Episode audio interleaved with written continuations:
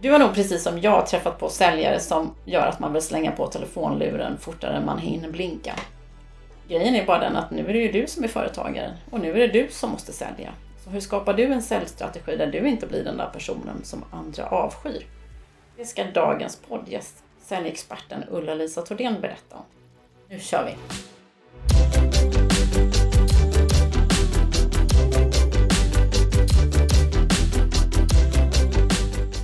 Och välkommen till Starta eget-podden. Jag heter Jasmine Bayramolo och är chefredaktör för sajten drivaeget.se. Och välkommen Ulla-Lisa Thordén på Republic Consulting, en av Sveriges mest erfarna säljexperter med drygt 30 års erfarenhet och sju böcker bakom sig om entreprenörskap och sälj. Eller jag ska ju inte säga välkommen för vi är ju faktiskt hemma hos dig på ditt landställe. Om man tycker att det låter lite konstigt den här gången så är det för att vi sitter i din fina stuga vid havet. Ja. Så tack för att jag fick komma hit. Tack för att du kom! Det här är ju underbart att jobba under sådana här omständigheter, Ja, eller hur? Poängen med sommar kan man säga. Ja. Få komma ut på landet. Men du, eh, kan man inte sälja ska man inte driva företag brukar man säga. Men kan alla bli en bra säljare? Alla kan bli en habil, relativt okej säljare om de jobbar med det. Eh, Men de här riktigt, riktigt duktiga personerna, de eh, har det i sig, brukar man ju säga. Några behöver träna och några kommer alltid att tycka att det är jobbigt och att de undviker det för att eh, det handlar om att driva på. Och det är inte alla som orkar det eller vill det.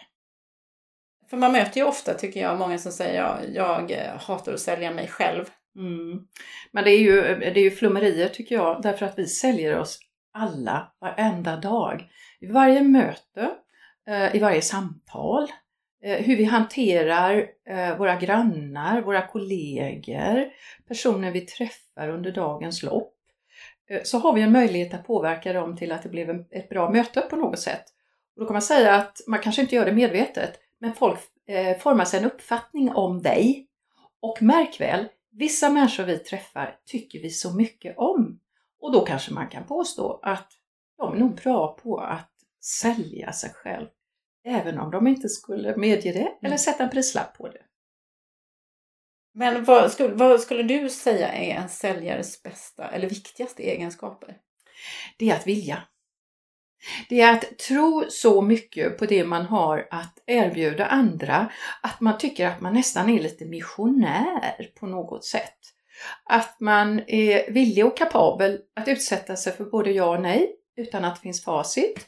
Och att man på något sätt tycker att det är okej med den arbetsinsats som man måste göra för att bli köpt. Och jag tycker ibland att vi lägger väldigt mycket fokus på sälj istället för att tänka så här. Men om jag träffar människor eh, i mitt dagliga liv, antingen jag har bestämt det eller råkat ut för det, så kan jag påverka dem till att bli intresserade av det som jag gärna vill berätta om eller hjälpa dem med. Och blir det ett bra samtal så har ju de chansen att köpa. Och ibland brukar jag fråga folk så här, eh, när jag håller dem.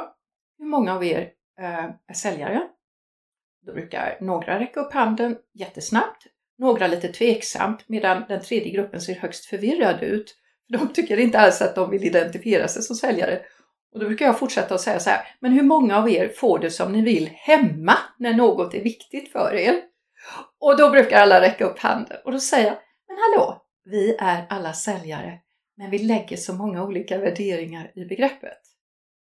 Så, Så vi måste egentligen definiera eh, sälj, säljandet i olika stadier egentligen. Mm. Ehm, då är frågan om vi kommer in på de här, för jag tänkte nu att vi skulle säga så här. Säger att jag är nybakad företagare. Ja. Jag har precis startat min verksamhet och jag har registrerat mitt företag. När och hur börjar själva säljprocessen? Ja, den bör nog ha fun- eh, börjat redan innan du startar företaget. För du måste fundera på om du överhuvudtaget är villig eh, att gå ut och träffa människor som du ännu inte känner. För att undersöka om de skulle ha hjälp av dig, och om de har behov av dig och om de skulle bli glada om de fick eh, köpa av dig. Nu pratar vi före registreringen. Ja, eller när man börjar fundera Mm. på om man ska driva företag eller inte. De flesta tänker på företagen som att jag ska producera, jag ska göra, jag ska skapa, eh, jag ska fota, jag ska massera, jag ska programmera eller vad det då är. Och så ser man det som sin kärnverksamhet. Men man hakar liksom inte på den där delen som handlar om och hur får jag mina kunder då? För det är ett stort okänt fält. Och eh, en del blir ju rätt så häpna när de upptäcker att eh, det innebär rätt mycket arbete. Med åren, när man har en kundgrupp, så blir det en självklarhet. Men i början kan man vara lätt förvirrad av hur man ska bära sig åt. Och det är väl där som jag jobbar mycket med att få personer att inse att det handlar om en process som man arbetar sig igenom och sen genomför. Och ibland går det bra och ibland är det väldigt motigt. Men om man inte vill att jobba för det så kommer man inte vidare. Och det här måste man på något sätt se i vitögat. Och det är därför jag har skrivit mina böcker, för att hjälpa människor att avdramatisera det här, vad det innebär egentligen att sälja. Men tittar man på säljandet som en slags verksamhet så kan vi säga så här att det är väl ingen av oss som avstår från att försöka sälja in till våra ungdomar att de ska vara hemma en viss tid på kvällen. Eller stänga av sin mobil. Eller vara noga med att vara vänliga och trevliga när de söker jobb. Eller eh, klä sig rätt för tillfället när de kommer första dagen till jobbet eller något liknande. Alltså, det är ju ett slags säljande men inte förknippat med prislapp. Mm. När folk blir nervösa, det är när de tycker att de ska sätta ett pris på det och försvara det. För de tror att de ska bli anfallna och att folk säger du är klok som tar detta betalt. Um, och det här är uh, en del aspekter på säljandet som jag försöker avdramatisera och tycker att jag lyckas bra med uh, i de uppdrag som jag har i olika sammanhang. Och min inriktning är faktiskt i första hand alla fantastiska människor som startar företag eller jobbar i ett företag där de inte identifierar sig som säljare men de måste agera säljande i sin vardag för att kunna bli köpta i rätt läge. Det är ju någonstans ändå det det kommer ner till ändå. Att Absolut. man måste ju ändå få in det där. Jag tänkte Absolut. bara flika in att, att, om man är jätteintresserad av själva prissättning så har jag faktiskt poddat med en kille som heter Andrea, Andreas Jonasson som är superprisexpert om det här. Jättespännande. Alltså. Jätteduktig. Ja, det, det är så fascinerande. Jag var ja. helt, så nästan, det var nästan mindblowing hur, hur mycket aspekter det finns på att sätta en prislapp. Alltså. Det, ja. Eh, Men då kan man gå in och kika på Starta eget-podden och leta upp honom där. Eh, yes. Men du, du, hur skapar jag då en säljstrategi? Mm. Led mig igenom processen. Ja, och då tänkte jag så här att eh, om vi ser en trappa framför oss mm. som man ska gå upp för. Och uppför går man en trappa och det krävs lite kraft för att göra det. Och det är så det också handlar om i en säljprocess. Första steget brukar jag alltid säga, vad är det du erbjuder för någonting? Och många människor älskar att beskriva sin metod eller sin process eller sin tjänst eller produkt utan att koppla det till någon form av nytta. Och ska jag ge ett, ett eh, exempel så är det så här att uh, de beskriver sin verktygslåda och tror att kunden vill ha en bokhylla byggd. Men om kunden inte har behov av en bokhylla eller en ny bänk eller en, ett köksskåp så behöver de inte veta vad du har i din verktygslåda. De blir inte tända på att bygga något bara för att du visar din verktygslåda. Och det här är en fälla. Det kanske är väldigt fin Ja, du är ju så himla stolt framförallt ja. själv över din verktygslåda. Och du vill gärna berätta om varenda verktyg och hur du har kommit fram till och varför du packar den så här. Men verktygslådan är en verktygslåda.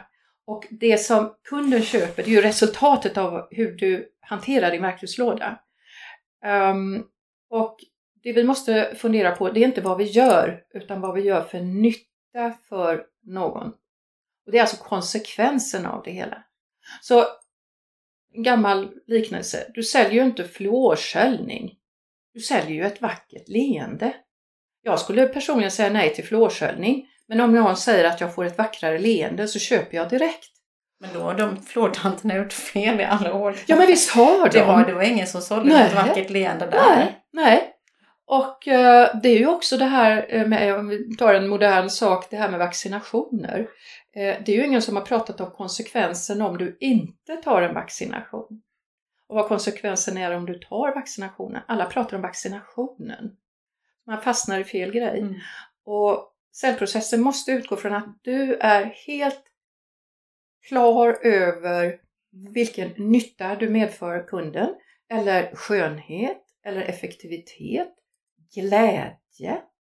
Alltså vad du svarar upp mot, eller behov om du så. Men vi köper ju av olika skäl, inte bara behov utan att det är kul eller det passar plånboken. Och du måste veta vad du riktar dig till. Det är skillnad på någon som säljer hålfotsinlägg och någon som säljer ett konstverk. Väldig skillnad. Mm. Motiven är helt olika hos kunden för att köpa. Och det här måste man också ha klart för sig. Och det gör att vi då kommer till eh, nästa steg. Steg två om vi ska Mm. vara precisa då. Det är ju, ja men vem är då min kund? Och då gäller det att fundera, ja, målgrupp heter ju, men jag tror inte att någon människa vill känna sig som del av en målgrupp, de vill känna sig som den person de är. Och jag tycker när man tänker på vilken kund man riktar sig åt så tycker jag man ska eh, måla en persona framför sig. Alltså vem är egentligen den kund som du tror har mest nytta av din nytta?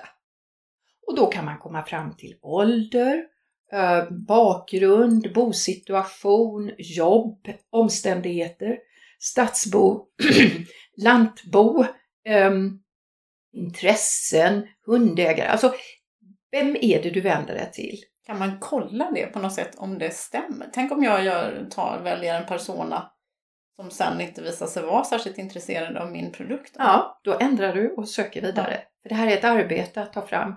Och i början har du en hypotes. Och det här att tro att man kan vara allt för alla, då blir man inget för någon. Och det är en del som på något sätt säger, åh, ja, men alla har jättenytta av det här. Och då säger jag bara, tittar dem i ögonen och säger, jaha, och hur får du kontakt med alla då? Kan du inte välja ut en liten grupp som du tycker ska vara roligare att jobba med? Eller de som finns i närheten av dig? Eller som de som du redan har en kontakt med och börja där och se om din hypotes stämmer. Och låt de andra hitta dig med tiden som kanske inte stämmer in så. Men är du i början av ditt företagande så är det otroligt viktigt att du fokuserar. För i annat fall blir du frustrerad. Och jag vet ju många som är ute och träffar Gud och hela världen och de pratar med alla hej vilt om vad som helst utan att fundera på, men vem har jag framför mig? Är de ens i, är de ens i, i, i, i stånd att bry sig om eller förstå vad jag vill hjälpa dem med? Ja, Jag tänker på en sån här sak som hisspitch. Ja. Ja. pratar man ju mycket om. Ja. Och den ska man ju då passa på att dra Ja. lite överallt. Och när Ja. man träffar folk i skolan och på dagis och på, i hissen Ja. någonstans då på något företag. Men eh, det är lite galet där då, eller? eller? Nej då. Nej då. Eh, det är ju ett abstrahera den yttersta nyttan som du erbjuder. Så egentligen är det väldigt viktigt att träna efter vad är det egentligen för nytta jag ger. Eh, och det är en bra övning för alla. Eh, säg att du är massör. Det räcker ju inte på en fest att säga jag är massör. Ja, men vilken massör? Masserar du hundar, hästar eller människor? Gamla, unga? Vad? Eh, utan då kanske du säger så här, jag hjälper aktiva idrottare att utveckla muskulaturen till sin yttersta förmåga eller potential. Ja, då har du på något sätt angivit, du har målat en liten ram kring vad du vill vara och kanske också säger något om din expertis. Eh, och kanske locka den som då står framför dig som gärna vill befinna sig i målgruppen. Man måste ju ändå säga att man är massör Ja, absolut, absolut, absolut. Men brodera Det lite beror, mer. ja, ja, och liksom sätta en ram kring det hela på något sätt så att det blir lättare för människor att köpa eller bli intresserade. Eh, och man ska ju inte gå och sprida sin hisspitch i tid och otid för det blir ju fruktansvärt tröttsamt. Herregud, vi blir ju jättetrötta på personer som eh, är jobbiga på fester bland annat. Men ehm, eh, det är den yttersta nyttan som eh, hisspitchen ska resultera i. Ja, nu, nu var vi där vi skulle leta reda på vilka som är Ja. ens tänkbara kunder. Ja. Hur gör man när man ska börja kontakta dem sen då? Jag är inte riktigt där än. Nej, det är inte riktigt. Förlåt! Jo, för det är så här, att man kan ju ha, um, innan man kontaktar dem så måste man ju ha ett rejält underlag. Och då kan du ha en arbetslista, det vill säga alla de som du tycker, de här finns i närheten av mig eller de här tillhör den här eh, kategorin företagare som jag vill nå eller den storleken eller de finns här eh, i kvarteret eller vad det nu är. Eh, och sen kan du ha en önskelista. Och det är sådana här personer som du gärna skulle göra affärer med för det skulle göra sig gott på ditt CV eller på din webbsajt eller det skulle imponera på andra Okej. kunder. Så du ska ha en arbetslista och en önskelista. Jag tycker det är en rätt god tanke. Och önskelistan ska du jobba med precis som en shoppinglista och hålla aktuell. För du vet aldrig när du träffar på någon av de personerna där. Det kan ske fortare än du tror. Men ska det vara, pratar vi typ eh, Petter Stordalen? Ja. Alltså, det ja, han finns överst på allas önskelista idag, även min. ja. Inte för att han behöver mig, men jag ska vara så himla intresserad av att träffa honom Ja. överhuvudtaget. givetvis. Så man ska inte fega där, utan Nej. önskelistan är verkligen Ja. önskelistan. Ja, Ja. det tycker jag. Och eh, vara beredd på att en vacker dag så känner man sig stor och vacker och kaxig. Och då tar man en kontakt och man kan bli förvånad om man säger, vet du vad, du är en av fem på min toppenönskelista som kund. Och jag träffar dig. Det kan hjälpa, men det behöver inte hjälpa. Nej. Men du kan ha lite roligt under tiden. Och så jobbar du på med din arbetslista. Och det här med vem man, vem man då eh, ska ta kontakt med. Eh, där tycker jag, om man tycker det är svårt att kontakta främlingar eh, så kan man faktiskt förbereda sig lite grann genom att googla. Vad är det här för en person, personlighet? Det kan vara så att man googlar lite, eh, man kan titta på Facebook, LinkedIn och så vidare och säger man åh det här verkar vara en utåtriktad person med många eh, fritidsintressen. Eller åh det här verkar vara ett akademiskt eh, snille eh, gått stenhårt fram i karriären, gjort svåra saker och har en topposition. Wow! Och så bildar man sig någon slags uppfattning om hur den här personen möjligen kanske funkar. Och så kan man ju veta mer när man tar kontakt om hur man kanske ska lägga upp samtalet eller hur man ska förhålla sig. Man Man kan inte rätt. sitta och säga du jag såg på Facebook Nej, nej, att inte du alls. Nej, nej, nej. runt här. Ja, om du också seglar Marstrand runt kan vi säga konstigt att vi inte har träffats på Marstrands Ja, ja. runt. Eller jag såg Ja. det på Marstrands runt men vi hann aldrig pratas vid. Jag tänker annars det kan ju, risken är att det blir lite så här stalkervarning om man Ja. liksom Kan det vara? Nej, här, får man, här får man tänka efter. Men det jag menar är att man är mer förberedd i huvudet. Därför att när vi nu ska ta kontakt och då är vi inne på tre, eh, tredje, ste, eh, tredje steget så finns det många sätt att ta kontakt på. Och ehm, det är vad jag kallar steget hur.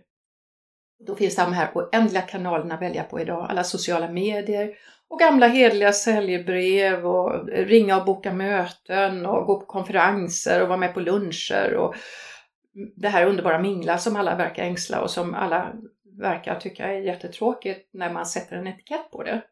Det är ju väldigt roligt att träffa folk. Bara man slipper kalla det för att mingla, tycker jag. Men det är en högst personlig åsikt. böjd att hålla med. Ja. Jag är jätteblyg på mingel. Wow! Eh, tror inte heller. Men ehm, det här med, eh, om vi då går vidare, det här med att ta en, kontakt, en direktkontakt. Eh, då kan du antingen göra det genom att mejla eller ringa eller skapa en kontakt via LinkedIn till exempel. Och om du då har en tanke om hur den här personen funkar så kan du rikta budskapet. Du kan vara snabb och rapp och lite personlig. Eller du kan vara lite mer formell. För du kanske uppfattar att det är en pe- person som är lite mer formell. Och det är det jag menar med att du, du genom att göra lite research på en person innan så, har du, så känner du dem nästan lite redan. Mm. Och ett tips när man ska ta kontakt via telefon till exempel. Ehm, och, och här kommer lite teknisk eh, kunskap då. Det är ju följande, när vi ska kommunicera med människor så utgår ju vi från mötet öga mot öga, för det är så vi skapade en gång i tiden. Vi bodde i grottor, vi tittade på vän eller fiende och så reagerade vi. Och vi måste vara väldigt snabba på detta. Och det är samma idag, vi har inte ändrat oss. När du ringer någon så tar du bort hela den delen som handlar om att skapa en uppfattning i tid och rum om vem du har framför dig. Du tar bort hela kroppsspråksdelen som är ungefär 55-60% sägs det. Och du sitter här med en röst i örat och du är en röst i örat. Och du har de ord du har förberett. Då blir de ännu viktigare. Då blir de viktigare. Ja. Men du blir osäkrare, för du ser ju inte den du har framför dig. Så din verktygslåda, din kommunikativa verktygslåda är väck. Du har ju bara tillgång till ungefär 40-45% av den. Det är som att halta, hoppa Ja. på ett ben. Men om jag mejlar då istället, hur mycket Ja. tappar jag där då? då? Eh, då, då, då gäller det att tänka på att du ska ha kroppsspråk i mejlet. Men du har fortfarande eh, möjlighet att rikta ditt budskap på det sätt som du uppfattar att den personen möjligen funkar i andra ändan. För jag tänker att det är så lätt att bli missuppfattad Men visst! i ett mejl. Ja men absolut! Hur visar du kroppsspråk? Ja, men det, ja, hur gör du det? Alltså det här, alltså det här är en egen eh, poddavsnitt. Hur Ja. skriver du mejl? Ja. Och några är jätteduktiga på att finna en tonalitet rätt ord. Men det enkla är väl det här att eh, eh, vara rätt snabb med vad du vill. Och att man eh, berättar vad det är för nytta man kan tillföra. Och att man inte utgår från att någon är intresserad, men att man kanske säger så här, jag skulle gärna vilja träffa dig, kanske 20 minuter, för att utröna om det finns något intresse hos dig eller hos er. För att prata vidare om det här. Då ska jag ha en snabb resumé först liksom, om vad jag kan erbjuda? Eller? Eh, väldigt, väldigt kort och snabbt. Och då pratar vi nytta, för folk läser inte långa mejl. Och kan det vara intressant, eller jag tänker om det, även om det är telefon? Tänker jag. Ja, nej, men det, det, är jag på väg till lite grann. För jag tänker det är lite skillnad på mejl och vad du säger. Så jag tänkte ge lite tips där också om hur du kan hantera samtalet. Eh, men just det här med mejl. Eh, det är bra om du avslutar så här. Jag hör av mig per telefon inom kort. För att höra om och när vi ska ses. Så att du har, du har redan förberett för att du ska ringa. Att du säger ska ses? Ja. Är det inte kan Ja, eller vill ses, eller, kan. Ja. ja. här får du känna efter lite ja. grann hur på du är. Och här kommer vi fram till hur funkar vi personligen. Ja. Några tassar väldigt runt omkring så den andra begriper inte vad, vad, vad det är egentligen vi vill. Medan några är väldigt raka och lyckas väldigt bra med det, för det är effektivt. Och den i andra änden kan snabbt bedöma, det här är intressant för oss eller det här är ointressant för oss. Pang! Och så är det färdigt. Och vi måste utgå från att vi är inte är intressanta för alla. Och det betyder att vi måste ta många kontakter i vilket fall. Och vi måste vara beredda på att göra arbetet, säljarbetet. Och det innebär ja, nej, whatever. Och det gör vi alla, även jag. Men jag vet hur man gör, så jag, jag lägger inga värderingar eller känslor i det. Jag gör det. Ja, det är som städning. Ja, nej men alltså du gör det, för det, det, det, det gror igen annars. Mm. Eh, om du sen ska ringa någon, då Eh, är det ju en del som säger det här att eh, åh, det är helt passé. Men det anser inte jag att det är. Det beror på vilken strategi du har i ditt företag. Det finns många som inte kan sitta och twittra och vara på LinkedIn i åratal innan det börjar hända någonting. De måste ut och träffa folk rappt och snabbt för att avgöra om man ska göra något tillsammans eller inte och så jobbar de på. Vad vi kan göra är att omvandla de här så kallade kalla samtalen till lite varmare genom att be om hjälp i vårt nätverk eller titta i det eh, eh nätverk som andra har, LinkedIn till exempel. Eh, och se vilka målpersoner vi skulle vilja träffa och så ber man om hjälp att få träffa dem eller få en rekommendation. Och det här innebär rätt eh, mycket detektivarbete och hemarbete skulle jag vilja säga. Förlåt. Men i det ögonblicket som du tar en kontakt per telefon eh, så tycker jag man ska vara rätt snabb och rapp. Jag lärde mig det en gång i tiden i mitt första eh, säljkonsultjobb där vi skulle boka in 20 möten per vecka. Då hade vi telefon med sladd och mm. telefonkatalog i papper och ja, det är jätteroligt. Men där lärde jag mig verkligen hur man gör. Vad säger du då om mm. du ringer upp till någon som du ja. har pratat med? Um, för det första, får jag, ge ett, får jag ge ett förslag då? Och det här är bara from the top of my head. Men vad jag skulle säga om jag skulle ringa, eller när jag ringer, det är väl ungefär följande. Hej! Jag heter Ulla-Lisa Thordén och ringer från Republic Consulting. Nu vet jag att du är väldigt upptagen, men har vi chans att prata någon minut så ska vi se om det är intressant för dig eller inte. Är det okej? Okay? Shoot, säger de då. Eller, ja, men var snabb. Eh, eller också kan de säga, vill du sälja något? Och då säger jag, det hoppas jag, men kan vi träffas först? Och så garvar jag lite, för det gäller kontakt. Um, och sen säger jag så här, anledningen till att jag ringer, det är egentligen att jag väldigt gärna skulle vilja få träffa dig för att visa hur jag kan hjälpa företag att få alla att inse att de är säljare och medverka i säljprocessen och bli mer lönsamma internt. Men jag är nyfiken på hur ni jobbar med detta redan idag. Därför undrar jag om vi kan ses en stund för att kanske hitta gemensamma punkter. Vad vet jag? Är du möjligen nåbar nästa vecka eller är det bättre veckan på? Gammal hederlig bokningstaktik, två alternativ. Därför att jag utgår från, jag tror på mitt erbjudande. Jag utgår från att jag har något som är så intressant så vem jag än träffar så kommer jag lyssna av och snabbt inse om vi ska prata vidare eller inte. Jag tänker inte vara tjatig. Jag visar också att jag är intresserad av dem. Jag vill lyssna av, jag vill veta vad de gör. De kanske redan gör någonting som är underbart. Och då har de en chans att säga det. Men jaha, det var ju spännande det här, men du, eh, vi jobbar ju redan med en celltränare. Nej men detta låter ju spännande. Vem är det? Får jag fråga det? ofta får jag svar. Jag vill jobba med dem, eller han eller hon och så vidare. Och eftersom jag känner de flesta i Sverige, eh, ibland har jag varit med och utbildat dem också, eh, Ehm, så kan jag säga så här, nej men då känner jag att du är i goda händer. Underbart! Fast egentligen, har ni ett långt kontrakt? Ehm, eller är det så att vi ska ses en stund så kan jag visa hur jag jobbar.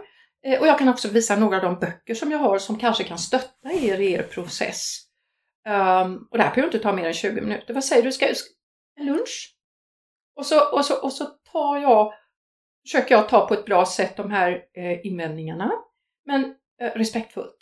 Och fortsätter de att säga nej, det är ingen idé, så säger jag helt okej, okay. du, lycka till och ha det jättebra. Tack för samtalet. Och så släpper jag det. Då vet jag på min lista, nej men herregud, de håller ju på, varför ska jag eh, hålla på där? Jag är intresserad av att träffa alla andra som behöver mig desperat. Det här att du säger eh, då i nästa vecka eller veckan därpå. Ja. Hur stor skillnad gör det? Om du säger att du hade lämnat det öppet bara, har du tid att ses? Ja, eh, det, det brukar bli lite lalligt för då sitter man och väntar på att de ska ta kontakt och säga ja, du får väl komma hit, det säger de aldrig. Utan du måste ge erbjudandet och, och hemligheten med säljaren är att du håller i ratten. Du styr, du släpper inte ratten. Det är du som måste ta nästa steg, föreslå nästa steg, utgå från att man tar nästa steg. Och det här gäller i hela cellprocessen, allt från första mötet fram till när man har träffats och säger vad är nästa steg, hur går vi vidare, vad tar du med dig, uh, hur ska vi uh, finna en väg som funkar bra för er, där jag kan hjälpa till.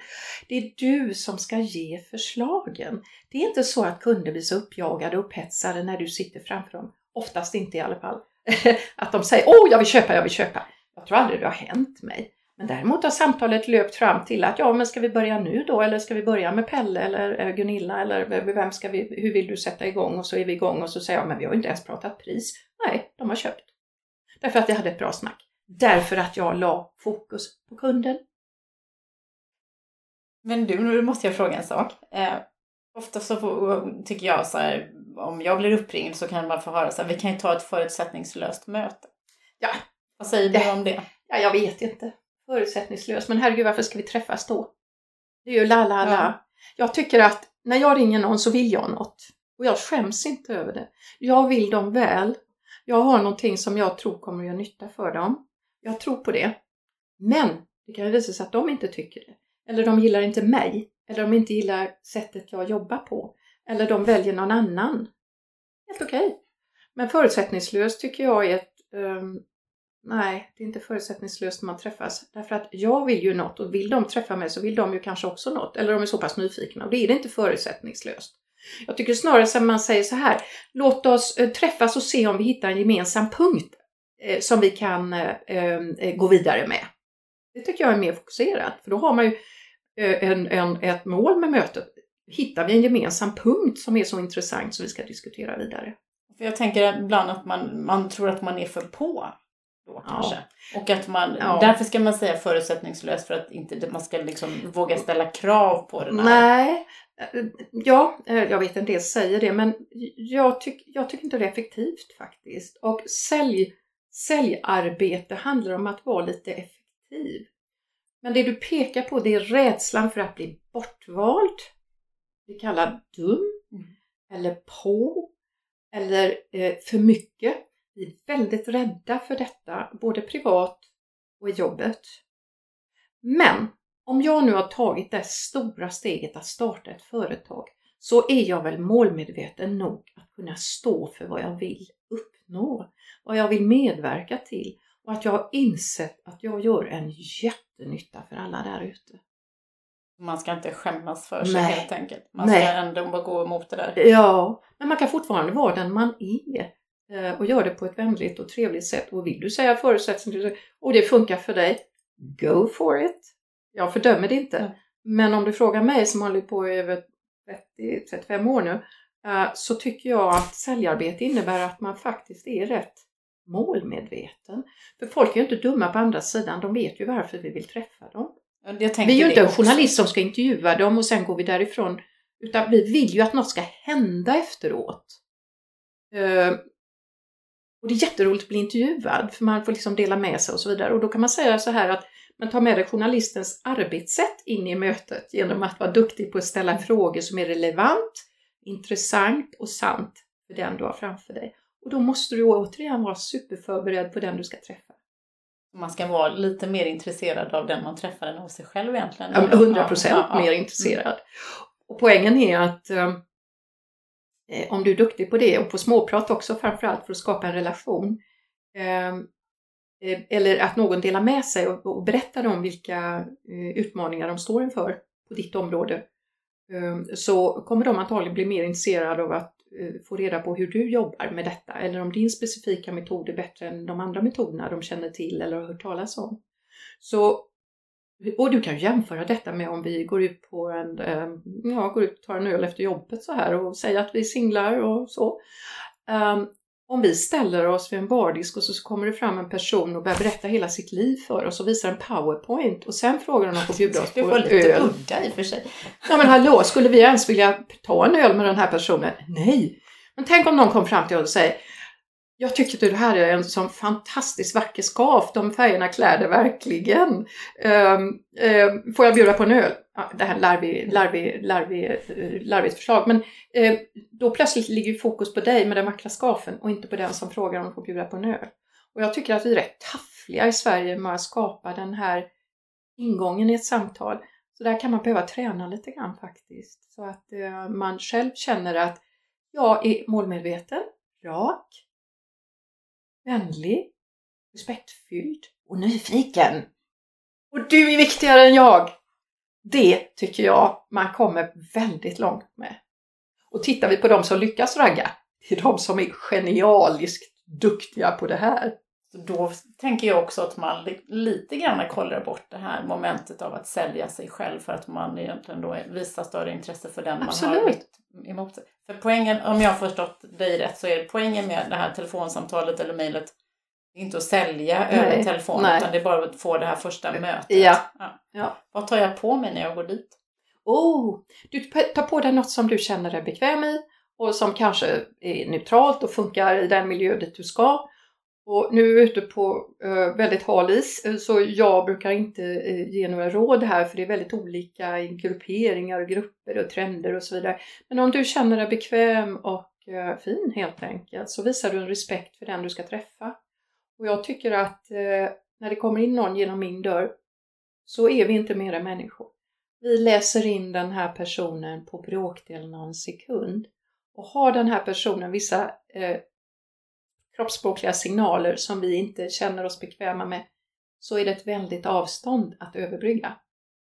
Och är det någon som eh, gillar eh, piercingar så tycker de gud vad sexigt. Eh, är det någon annan som tycker det är fult med flipflops så är du utdömd. Eh, och därför är det väl bra att vara neutralt tråkig brukar jag säga. jag vet inte hur jag ska uttala och vad det kan vara i din bransch, ingen aning. Men det är ju inte för inte man skapar förtroende genom att använda sig av uniformer i vissa fall. För det visar att man har en, en utbildning eller man har en dignitet eller man har en legitimitet. Och det är därför vissa branscher ser lite tråkiga ut, för alla ser ut så därför det skapar legitimitet. Och om du träffar, om du ska ut och flyga Boeing och piloten kommer i bastkjol och snurrkeps och eh, grodfötter så jag skulle bli väldigt nervös. Jag skulle dö nervös. Man skulle alltså. samtidigt kunna tänka att, att om man valde någonting som fortfarande, vad ska säga, var eh, propert låter ju som ett eh, 1800-talsord, men om man tänker någonting som ändå är eh, liksom okej Ja, så, ja. fast som sticker ut, kanske med färg eller mönster Mm. eller någonting, att man ändå skulle kunna bli det är förstås några som kanske inte skulle gilla det, men man, Nej. kanske skulle bli ändå någon som andra kommer ihåg. Ja, Om det nu bara är en tråkig Ja. massa som springer genom dörren annars. Ja, alltså det här är någonting som brukar vara väldigt mycket diskussioner i olika sammanhang och när jag eh, jobbar med kvinnor så är det här aldrig något problem. Vi vill alltid vara lite fina. Eh, vi- tycker om att klä upp oss. Vi har en speciell stil som vi känner oss bra med. Så där brukar det aldrig bli någon diskussion alls. Men vad jag får kämpa med män. De var ju ändå lättare. Ja, ja, man kan tycka det. Men de tycker, nej men jag är den jag är. Jag vill inte klä ut mig. Så säger jag, men klär du ut dig om du har ett par pressade rena byxor på dig eller ett par chinos som inte är fransiga i kanten. Eh, klär du ut dig om du har ett par vettiga läderskor på fötterna som är stabila och visar att du är grundad? Är du, är det, är det, är, klär du ut dig om du har en snygg skjorta? Du kan ha upprullade ärmar och öppen i halsen. Du behöver inte ha slips. Men tycker du att det är att vara utklädd? Då vet inte jag vad vi ska tala om. Då får du nog fråga någon annan om eh, hur mm. du ska ha det. Men jag har sett förskräckliga exempel på eh, personer som är ute och representerar sitt företag internationellt. Och där säger man, nej men snälla hur kunde de släppa iväg denna fåntratt ut i världen och tro att vederbörande är en ambassadör för ett svenskt storföretag? Det är en slapphet förutan like. Att man, är, att man är bekväm på planet kan jag hålla med om, men man går inte direkt i slappkläder till ett möte. Där var jag på, då, i min roll som journalist och min första utlandsresa, då skulle jag på någon eh, miljökonferens i London. Där blev jag också en sån här, jag var jätteung då, verkligen en kulturkrock. Man kommer dit och så kom alla brittiska journalister alltså i kritstrecksrandig ja. kostym med, med väst och hela ja. kittet. Och så kom då en del då typ i fleecetröja. Alltså ja. det var hela skalan. Ja. ja. Men du, nu har vi eh, fått till vårt möte. Mm. Ehm, hur, hur, vad är nästa steg? Ja, då har du valt eh, hur du vill se ut för att känna dig bekväm och representativ och eh, visa respekt för din kund. Du har också gjort research på den du ska träffa så att du kanske känner till att de eh, kanske seglar eller har samma utbildning som du eller något sånt där. Och så har du det i ditt bagage men det är inget som du behöver ta fram direkt. Men du, du vet det du kanske plockar fram. När du träffar vederbörande så tycker jag det är väldigt artigt att säga att det var väldigt kul att få komma hit och att du tar dig tid. Vad har vi för tid på oss? Hur lång tid har du vikt för vårt möte? Jag tycker det är artigt för det ger en trygghet till den man träffar att man inte kommer bli sittande i evighet tills det händer något. Och det kallas stenrumpesäljare och det är inte kul kan jag säga. Eh, och sen är det din uppgift att hålla den tiden. Säger de en halvtimme så är det upp till dig att hålla i halvtimme och det är du som håller i ratten i samtalet så de känner sig trygga. Och då kan du göra en snabb presentation och säga så här att ehm, anledningen till att jag träffar dig är att jag väldigt gärna skulle vilja berätta mer om hur jag arbetar med de här frågorna. Och så gör du en superkort presentation. Superkort, två, tre, fyra, fem meningar så att vederbörande fattar varför du är där. Eh, och så säger du kanske så här, och jag berättar gärna mer detaljer om det, men egentligen så är jag väldigt nyfiken på om jag får ställa några frågor först så att jag eh, adresserar eh, rätt saker för dig så att du får svar på de frågor du kanske har. Är det okej okay om vi gör så? Ja, kanske kunden eh, säger och känner sig trygg. Eller så säger kunden, ja, låt mig berätta först hur vi jobbar här för det är väldigt speciellt. Och då säger du bara, jättebra! Shoot! Och så är det kunden som håller i ratten en stund, men sen måste du återta ratten. Och de här frågorna som du ställer till kunden, eh, det gäller att du är väl förberedd så att du verkligen har tänkt igenom vad är det för frågor jag vill ställa till den här kunden så jag får reda på om de ja, behöver det jag har, är intresserade av det, har en plånbok för det, om det är det som är deras eh, största problem eller om de bara är nyfikna, om de skulle ha nytta av det här. Så dina frågor ska vara väl förberedda. Och här måste jag flagga lite för min senaste bok Möt kunden öga mot öga. Eh, för där finns det en, eh, en eh, rejäl eh, sån här to-do-list i boken eh, slut med hur man kan förbereda frågor, hur man bär sig åt, hur man genomför mötet och hur man följer upp och så vidare. För det är faktiskt förberedelserna som gör att det blir effektivt. Och kunden känner sig trygg. De känner att du har visat respekt genom att vara väl förberedd. Och det gillar folk idag, för tid är verkligen pengar idag. Och alla har alltid för mycket att göra och alla springer alltid och försöker fånga tåget i sista minuten i hela sitt liv, både privat och på jobbet. Så visa respekt genom att visa att du har brytt dig. Därefter kan det ju vara så här att man tar fasta på någonting som kunden då berättar och säger det var väldigt intressant det här du berättar för mig. Um, tycker du att detta är ett stort problem för er idag? Eller har ni funderat på hur ni skulle vilja lösa det? Då kanske kunden säger att ja, vi har inte hunnit eh, så mycket med det eller det har inte varit någon stor sak. Och nu har du tagit hela och säger så här, men låt då mig berätta lite grann om hur jag jobbar med de här frågorna. För det kan vara så här att det passar väldigt bra in i tiden för er nu. Eller där ni är i er utveckling. Och nu kan du göra en lite större presentation. Och där kan du berätta om de sakerna som du har med dig i din ryggsäck, om allt du kan medföra. Men du plockar fram rätt saker ur ryggsäcken, inte alltihop. Vi pratar alltså Ja. inte ihjäl kunden. Man har anpassat Man har budskap. ja. anpassat. Och här gäller det att vi är lite tränade så vi är flexibla och kan fånga in bollar som kunden kastar upp i luften. Och därför är det viktigt med säljarbete att man tränar det så att man är duktig i samtalet, att lyssna mellan raderna. Att kanske eh, ta tag i något som kunden sa väldigt tidigt i samtalet och så bringar man in det på rätt ställe.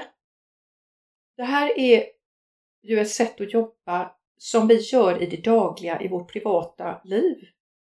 Jag menar, vi vet ju alla att hemma ska man inte ta upp vissa saker vid frukosten. Det väntar man till efter en god middag med ett glas vin eller ett glas öl.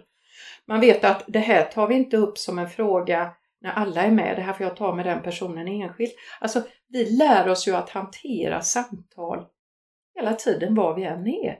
Och då menar jag på att men, våga överlämna det till samtalets dramaturgi när du är med kunden. Men fokus är på kunden. Ju mer du vet om kunden, desto lättare har du att forma ditt budskap efter. Och det finns ju nya spännande tekniker idag med att kunden Why they buy till exempel. Eh, en väldigt spännande teknik som, har, eh, som håller på att byggas upp nu i Sverige.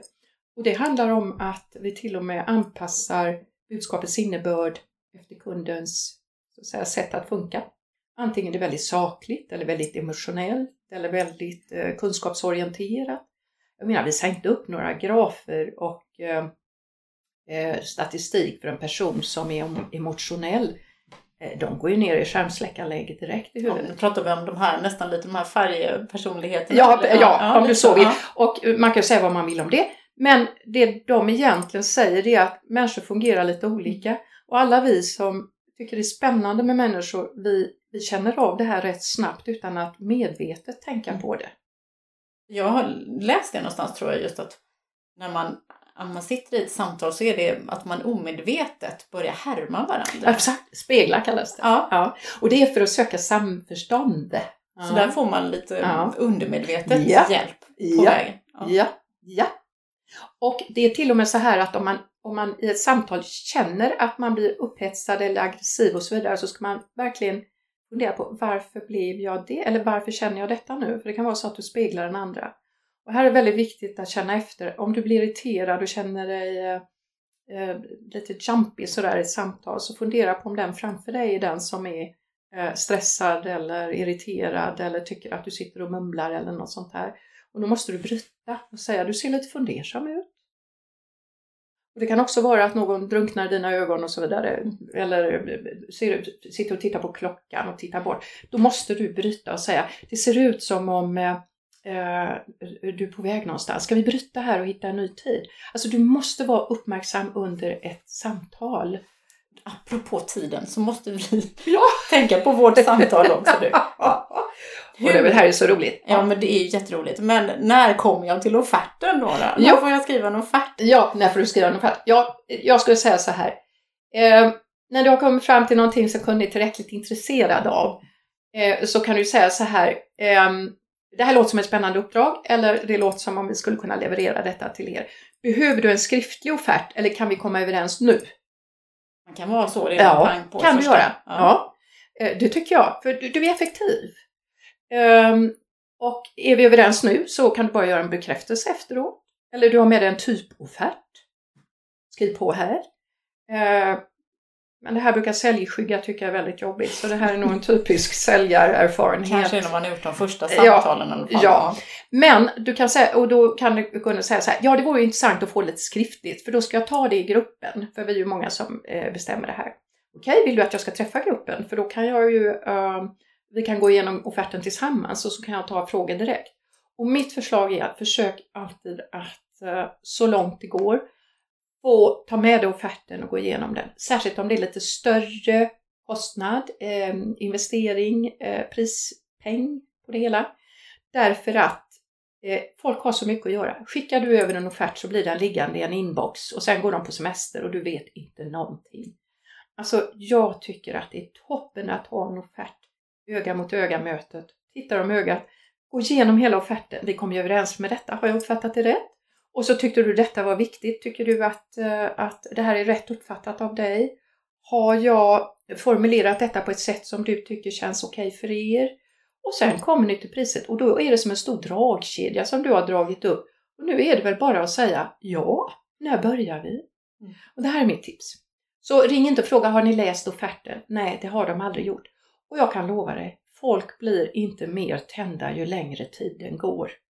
Hallå! Det är när vi ses öga mot öga som oxytocinet virvlar och vi känner samhörighet och kunden känner sig sedd, förstådd, viktig och är väldigt nära att säga jo men vi kör. Så då bokar man ett, tänker jag då, ett, kanske ett offertmöte ja. då? Ja. ja, och så går vi upp för trappan. Vilket trappsteg är vi på nu då? Ja, nu är vi på femman, sexan någonting. Jag trodde bara det var fyra trappsteg. vi kan sammanfatta dem i slutet här.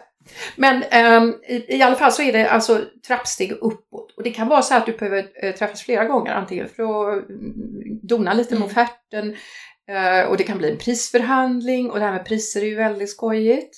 Kunden kommer ju att titta på det och säga kan du göra något åt priset? Och då tittar du bara tillbaka och säger ja men visst, jag höjer gärna. Hur mycket vill du att jag ska höja? och så ler du hult. Och har du tur då så garvar de bara lite. Eller också kanske de säger så här, ja du har rätt på, att ta betalt. Tack! säger du ja, man erbjuder sig inte att sänka första. Nej, nej, du erbjuder inte att sänka. Det kunden ska jobba för ett annat pris om det är så att de tycker det. Men ibland blir de bara testa dig.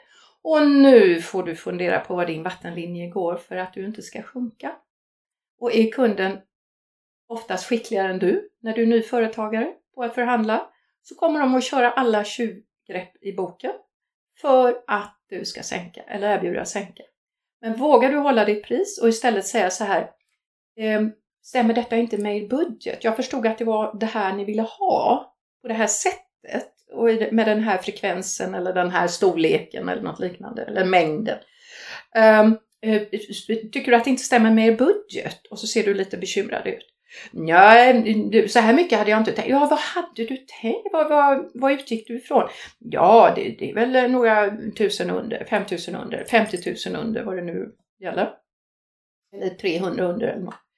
Eh, och då säger du bara så här, Jo, men det är inget problem. Vi tar bort något. Vad tycker du är minst viktigt i mitt förslag? Jag sänker inte priset Nej. utan jag tar bort en arbetsuppgift. Exakt. Eller också säger du så här, men du, det här är ett otroligt bra förslag med rätt eh, pris. Men om vi säger så här att du får dessutom och så lägger du till någonting snabbt som katten som känns som en fördel för kunden. Du sockrar lite med socker i botten på medicinen går ner, eh, så har du chans. Men sänk inte bara priset utan att få något i gengäld. Och är det så att du sänker priset därför att du måste ha jobbet, eh, du behöver den kunden, säg då så här. Jag kan tänka mig att göra ett undantag detta första tillfälle som vi jobbar ihop. Jag förstår ju om du vill testa mig. Men då vill jag gärna att du ger mig cred på min webbplats. Att jag kanske får ta ett kort på dig eller dina medarbetare och så lägger vi in ett bra citat när jag genomfört det. För jag vet att ni kommer att bli hyper, supernöjda. och så är du tyst. Helt enkelt. Tyst! Jo men du är ju målmedveten. Och det är inte att vara krängig, pushig, jobbig. Du är målmedveten, du är rak, du är respektfylld och du visar respekt framförallt för dig själv och allt det jobb som du har lagt ner på att kunna vara hos kunden och erbjuda det här. Och du visar respekt för kunden och deras förmodligen högst normala beteende när de köper in något. De vill ju ha en bra deal. Det vill väl du också? Och jag hoppas vid Gud att du är bra när du ska köpa in, inte bara sälja, utan att du äh, sätter lite krav på dina leverantörer. Det hoppas jag verkligen. Um, så det är ju de här kan man säga, som cellprocessen ser ut när vi väl är där ute i verkligheten. Då. Men du, och nu har ju klockan gått fruktansvärt fort. Ja visst. Ja, men jag hade ju också bett er förbereda några sådana punkter eh, på vilka fällor som man lätt kan gå i och hur man undviker dem. Mm. Eh, en första fälla, jag brukar kalla dem för de sju, dödssynderna i sälj, det är att man saknar mål. Man vet inte vad man håller på med eller vart man är på väg. Man saknar fokus, det vill säga var det är samma sak? Nej, mål är egentligen något som är mätbart, detta ska uppnå. Jag vill ha x antal kunder, jag vill omsätta så här mycket, uh, jag vill ha ut det här priset, uh, jag vill eh, före årets slut ha fem nya kunder eller vad det nu kan vara för någonting, alltså mål av olika slag. Eh, fokus är att jag faktiskt gör det jag ska. Alltså jag besöker de kunderna som jag har bestämt eh, mig för att bearbeta först innan jag eh, byter målgrupp eller känner att mm, det är nog andra jag ska med också. Eh, det är att ha fokus på hur du ska få till stånd affärerna, för det är faktiskt där du står och faller som företagare. Och drivkraft, det är att du är villig att jobba till du svettas. Oavsett hur du mår eller hur kul eller hur tråkigt det är. Det är att du gör det du ska. Drivkraft är fruktansvärt viktigt. Det är att du inte blir sittande hemma och tänker, ja, jag gör det imorgon. Det är faktiskt, det var lite kul i en av våra andra poddar med det konstiga namnet, eller långa namnet, Ordinary People Who Do Badass Things. Så var Kikki Tiander som startade Middagsfik ja, var med. Känner henne väl. Eh, och hon pratar om just det här vad som är framgång. Och så sa hon, jag tyckte det var väldigt klokt, för hon sa där att framgång är inte bara liksom, att man har lyckats med en kampanj eller lyckats med någon stor, eh, ja, någon stor kund eller något sånt där. Utan det är också, framgång är också det där gnetet. Alltså, att varje om. dag göra jobbet. Absolut. Och känna tillfredsställelsen i det. Därför att eh, om du inte gör det du ska så kommer det inte, du, du kommer aldrig i mål. Det är ju som att sitta hemma och tro, tycka att det vore kul att vara ett golfproffs men du har inte ens klubbor. Det är jobbigt. Ja men visst blir det jättejobbigt. Ja. Så det är en punkt. Det andra är att du inte har eh, ett erbjudande som innebär nytta. Utan du flummar runt och berättar vad du håller på med och vad du gör och vad du drömmer om. Men det är ingen som begriper vad det egentligen är de ska köpa. En annan dödssynd är att du inte vet eh, tillräckligt mycket om kunden eller är intresserad av kund. Alltså du vill bara ha kunder. Du blir jätteirriterad om inte folk köper. Nej, det är inte så det funkar. Det är att du inte är tillräckligt intresserad av kunden som person, människa, en fungerande eh, samarbetspartner i, ditt, i din verksamhet. Jättefälla. Eh, ytterligare, det är att eh, du inte eh, gör jobbet. Det var det jag var inne på förut. Mm. Men det handlar också om att eh, du eh, eh, egentligen lurar dig själv och tror att du har mer på gång än vad du har. Och pratar om vad som ska ske i framtiden och så vidare, men du gör inte det som krävs. Och den sista dödssynden då? då? Ja, det finns många, men den sista är att du inte vågar ta betalt och stå för vad du är värd. Du måste inse ditt eget värde och du kan ha väldigt roligt med prislappen. Den kan gå upp och ner. Men om du inte inser ditt eget värde så låter du andra styra din prislapp för mycket och så tappar du ditt eget värde. Bestäm ditt värde, men ha kul när du förhandlar om prislappen. Det är the famous last words skulle jag vilja säga. Härligt. Ulla-Lisa Thordén, stort tack för att Starta eget-podden fick komma hem till dig idag. Eh, det var jätteroligt. Och jättebra tips. Eh, nu ska vi ta och lyssna på lite musik från Soundry. Och så hoppas jag att vi hörs i nästa poddavsnitt. Tack och hej så länge. Tack ska du ha.